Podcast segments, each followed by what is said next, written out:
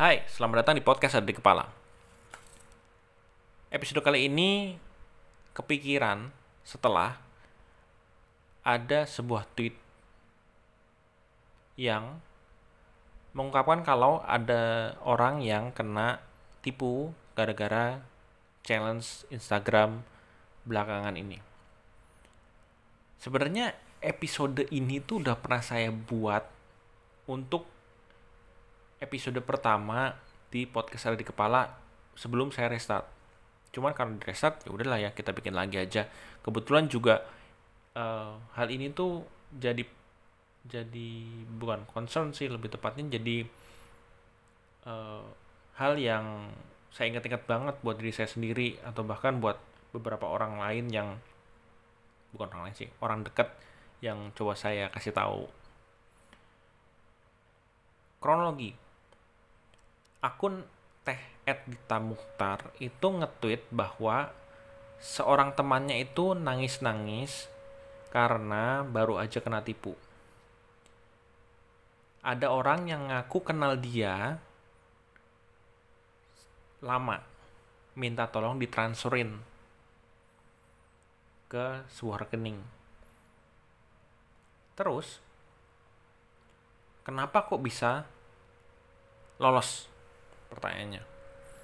Orang kan berpikir, ya kan uh, buat teman kita lama kan harusnya kita bisa sedikit curiga. Yang menarik adalah gini, orang ini tahu panggilan masa kecil dari orang yang coba dia tipu. Panggilan itu panggilan yang cuman orang-orang terdekatnya atau mungkin orang-orang di masa kecilnya yang tahu. Nah, ini tuh jadi aneh kan? Kenapa dia bisa tahu? Ternyata setelah dia ingat-ingat, dia itu ikut challenge yang lagi rame banget di Instagram uh, untuk menyebutkan nama masa kecil kita dan balesnya tuh via stories story Instagram gitu jadi kayak kolektif gitulah. Bareng-bareng gitu kan. Nah di sini baru ketahuan ternyata penipu itu tahu dari story itu. Itu yang pertama kronologi kedua. Bukan kronologi kedua sebenarnya contoh kedua. Ada seorang akun Twitter yang ada sebuah akun Twitter yang nge-screenshot beberapa challenge seperti itu. Karena challenge itu kan sifatnya pertanyaan dan pertanyaannya bisa random banget. Nah, yang menarik adalah dia challenge itu minta foto foto PPWA nunjukin foto PPWA saat ini misalnya. Dan banyak yang jawab ternyata. Terus ada yang nanya uh, selisih jarak umur. Otomatis nyebutin umur dong. Um, ya pokoknya hal-hal yang menurut saya sih nggak ada gunanya juga kalau di share dan begini ada pernyataan bukan pernyataan sih ada omongan dari Bang Panji Pagioksono kalau kita mau bikin karya bikin aja. Nggak perlu takut malu karena segala sesuatu yang dimulai awal itu pasti jelek. Dan nggak usah takut dikritik karena belum tentu juga orang uh, perhatian sama karya kita kan. Cuma kalau kita merasa diperhatiin ya mungkin kitanya aja yang gr nah gini. Data hal-hal pribadi kita uh, itu soal karya ya. Ini juga berkaitan kayaknya buat hal-hal pribadi deh. Hal, -hal pribadi emang nggak semua orang pengen tahu nggak perlu semua orang tahu dan nggak orang juga nggak pengen tahu tentang hal kita kalau misalnya memang kita nggak menarik buat mereka Cuman hal-hal kayak gini tuh, hal-hal pribadi ini tuh sangat amat disukai oleh para penipu. Jadi kalian tuh di instead mengundang perhatian orang-orang yang pengen kalian uh, apa ya namanya Men, membuat cengang orang lain atau membuat heboh orang lain atau membuat wah diwah orang lain lah istilahnya saya kalau saya sih bilangnya malah kalian itu malah uh, mendapat perhatian dari para para penipu yang ada di sekitar kalian. ini tuh udah pernah banget saya bilang di episode pertama yang seperti saya pertama tadi bilang kan. E, kalau penting banget yang namanya privasi. Sebisa mungkin jangan atau minimalisir foto-foto kita. Apalagi foto-fotonya uh, cenderung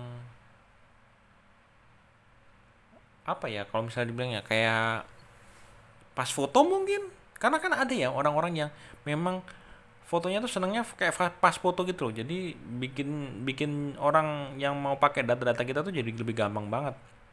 Terus hal ini tuh jauh sebelum ada tweet ini jauh sebelum ada eh, kasus-kasus yang di sebuah aplikasi yang pernah saya bilang di satu episode yang terdahulu.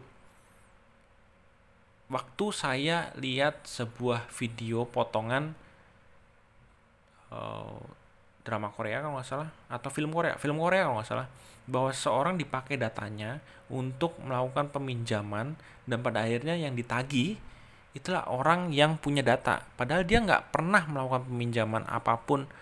Ini dalam konteksnya kayak pinjam pinjol lah bisa dibilang. Nah ini tuh benar-benar bikin saya jadi ngeliat itu waduh berarti data-data itu penting banget. Walaupun memang uh, banyak kebocoran data dari pemerintah, tapi setidaknya jangan sampai dari kita. Atau setidaknya kita tahu bahwa data kita itu bisa kita simpan sendiri.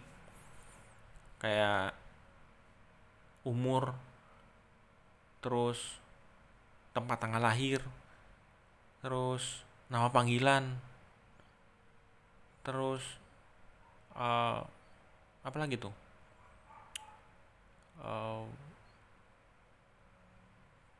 terutama PP sih foto profil sih terutama. Itu tuh seper, sepertinya sepele. Cuman uh, bisa jadi hal yang bisa merugikan gitu di di kalau misal dipakai oleh orang-orang yang punya intensional intensional punya niatan yang buruk. Ya lebih pinter-pinter aja sih jaga-jaga hal-hal kayak gini. Karena beneran deh ngeri untuk untuk ngadepin ngadepin yang kayak gini nih. Itu baru saya tuh sempat nge-repost uh, screenshotan tweet itu. Sebelum memang saya baca ada satu tweet juga yang mirip dengan apa yang saya tulis di story saya. Nggak sekalian ngejawab nama ibu kandung dan nomor CVV ya buat kalian yang belum tahu nomor CVV adalah nomor tiga angka yang ada di kartu debit ataupun kartu kredit. Yang tujuannya apa? Ya kalau kalian sering belanja online atau pernah belanja online pasti tahu lah uh, uh, debit card atau kredit card itu kalau misalnya kita mau pakai kalau zaman dulu sih ya. Eh enggak deh bukan zaman dulu sekarang juga pakai katanya. Tiga angka CVV itu dipakai untuk mengidentifikasi rekening dan kartu debit kita. Jadi kayak otorisasi bahwa kita memang mau pakai uh, pemot mau pakai dana di rekening kita atau kita mau pakai jasa kredit dari satu bank dan otorisasinya itu pakai kartu itu gitu. Kurang lebih ya karena saya juga nggak paham-paham amat sih sebenarnya mekanismenya seperti apa. Cuman saya pikir sih kayak gitu. Nah uh, maksud saya gini loh dari nama panggilan aja bisa ketipu jangan-jangan ada orang yang memang uh, dengan polosnya ngejawab pertanyaan challenge tentang nama ibu nama ibu kandung atau nama lengkap kita atau tanggal lahir kita. Jangan-jangan mereka dengan bangganya, dengan polosnya ngejawab begitu aja. Kalau kata Bang Panji kalau kata Bang Panji sih, selama ada orang tolol akan selalu ada orang yang cari duit dari orang tolol tersebut dari ketololan orang tersebut jadi ya caranya supaya kita nggak kena tipu ya jangan jadi orang yang bisa ketipu jangan bukan jangan sih lebih tepatnya lebih berwaspada lebih waspada tentang segala hal. Saya tuh punya punya kebiasaan kalau ke ATM sekarang kan banyak ya orangnya agak teledor kalau ke ATM mereka tuh pencet-pencet pin ATM tuh dengan uh, tidak sesuai dengan anjurannya yang ada yang ditempel di mesin ATM tuh. Kita harus nutupin kita harus uh, uh, sebagaimana sebisa mungkin pin ATM tuh jangan sampai ketahuan atau jangan sampai lupa uh, kartu ATM-nya diambil dulu atau gimana lah pokoknya. Pokoknya kan ada banyak tuh. Bukan ada banyak bukan ada kan aturan-aturan atau anjuran-anjuran yang ditempel di mesin ATM itu ya itu. Sekarang tuh banyak orang yang lebih nyepelin hal itu. Jangan salah loh banyak masih banyak kejadian sampai detik ini pun orang dikuras ATM-nya gara-gara dia teledor untuk nutupin pin ATM waktu dia masukin. Terus um, balik lagi ke Twitter tadi ya. Soal data-data kita gampang dicuri. Saya pikir sih bukan karena uh, penipunya pinter ya tapi karena orang yang nge-share informasi mereka itu ada yang bilang sih karena katanya generasi sekarang butuh pengakuan supaya lebih di aku atau lebih apa ya lebih istilahnya. Pokoknya intinya uh, pengen pengakuan terhadap dirinya sendiri sehingga apa pun dia lakukan untuk membuat impresi atau mendapatkan perhatian dari uh, yang ada di media sosial dia. Saya tuh sadar satu hal uh, tentang hal ini tentang fame tentang kepopuleran. Belum lama ini saya baca sebuah artikel kenapa kok sebuah grup band yang sangat amat saya idolai yaitu The Course yaitu Course bersaudara. Kenapa kok sempet bubar di tahun 2000-an kalau nggak salah? Padahal posisinya adalah band itu adalah sangat amat terkenal terkenalnya. Di puncak-puncaknya lah. Ternyata setelah saya baca-baca ada pernyataan dari Andrea Kors yaitu vokalisnya bilang kalau ternyata mereka nggak siap dengan kepopuleran tersebut ternyata mereka tidak mampu untuk menghadapi silaunya sebuah ketenaran. Jadi saya bisa ambil kata-kata ya. Mereka tuh gini, The Course itu bukan cuman terkenal karena mereka cantik-cantik dan ganteng dan ganteng ya. Cantik-cantik dan ganteng karena yang laki cuma satu. Tapi karena memang kemampuan bermusik mereka tuh yang sangat amat luas musiknya unik mencampurkan dengan uh, folk in Ir Irlandia lah kalau nggak salah.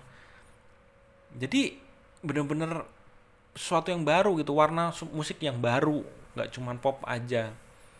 Banyak instrumen-instrumen yang memang unik mereka masukkan. Nah ini ini aja karena memang bermusiknya bagus saja mereka bilang mereka nggak mampu untuk menghadapinya. Mereka nggak siap dengan hal tersebut sehingga mereka bubar. Walaupun memang pada akhirnya mereka gabung lagi reunit lagi reunian lagi dan sampai sekarang uh, saya jadi sadar satu hal bahwa kepopuleran itu tidak untuk semua orang tidak untuk eh, orang-orang yang mungkin menginginkan hal tersebut tapi ketika tapi mungkin mereka nggak siap mereka nggak nggak mampu untuk menghadapinya. Dan uh, mungkin juga sama sih contohnya. Nggak bisa tenar tapi pengen diaku. Jat, jatuh, jatuhnya ya hal yang receh begini akhirnya. Nge-share nge-share hal yang sebetulnya nggak perlu semua orang tahu. Bahkan kalau dipikir ya artis-artis nggak luar aja atau artis yang nggak tahu sih artis Indonesia ya artis Indonesia sekarang banyaknya punya YouTube terus ngeksplor kehidupan pribadi mereka sih.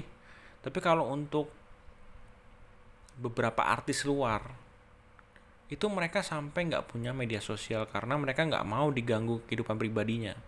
Karena mereka nggak mau uh, kehidupan mereka, pribadi mereka tuh jadi bahan untuk fans mereka. Karena sebenarnya hal-hal itu nggak perlu mereka tahu. Yang perlu mereka tahu kan karya mereka uh, disukai terus prestasi mereka itu yang perlu diapresiasi kan bukan kehidupan pribadi. Sehingga ya namanya paparazzi jadi ada kan. Ya intinya pinter-pinter lah jaga-jaga data-data pribadi. Lagian juga nggak semua orang tuh seneng tahu hal pribadi kita tuh. Mereka tuh mungkin kamu ngelihat di storynya bahwa ada orang ada sekian puluh orang yang melihat storymu tentang balasan tersebut? Itu tuh antara satu cuman kepencet dua karena lagi gabut tiga karena ngabi uh, orangnya ngelihat story yang masih nyala itu belum ke, belum belum dilihat kan kalau misalnya udah dilihat kan jadi apa jadi agak buram bukan agak buram sih namanya jadi putih gitu kan lingkarannya itu lingkaran story. Ya mungkin mereka meng, mengidap gatal gitu kalau misalnya uh, uh, belum kelihat semua. Kayak saya ini termasuk yang agak gatal kalau misalnya ngelihat kok story kok pada pada nongol-nongol gini apa sih nggak nggak enak banget gitu buat saya. Makanya kadang saya pencet satu terus saya tap tap tap tap tap tap, tap aja biar cepet supaya udah clear, udah clear semua. Kalaupun ada yang misalnya ter menarik ya cuma paling cuma dilihat berapa detik terus habis itu lewat. Ya intinya sama aja. Ya intinya tuh sama aja kalau nggak semua orang tuh peduli. Yang peduli tuh mungkin orang tua kalian aja. Atau calon calon calon kalian atau pacar pacar kalian aja. Yang lain tuh nggak nggak nggak nggak peduli peduli amat dengan apa yang kalian share di media sosial tuh kalau tidak membawa atau tidak menambah uh, tidak mem, sebenarnya bukan tidak menambah sih tidak ada nilai tambah yang dibawa. Ya itu aja sih yang mau saya omongin. Intinya sih lebih jaga-jaga aja jangan sembarangan nyebar-nyebar informasi pribadi. Jangan sampai kejadian-kejadian kayak gitu nimpa kita lah oke itu aja yang mau saya sampaikan. Uh, yang mau kita bahas sebenarnya yang mau bisa saya bahas. Terima kasih sudah mendengarkan. Kita ketemu lagi di episode selanjutnya. Podcast Radipala pamit. Hanlibian pamit. Ciao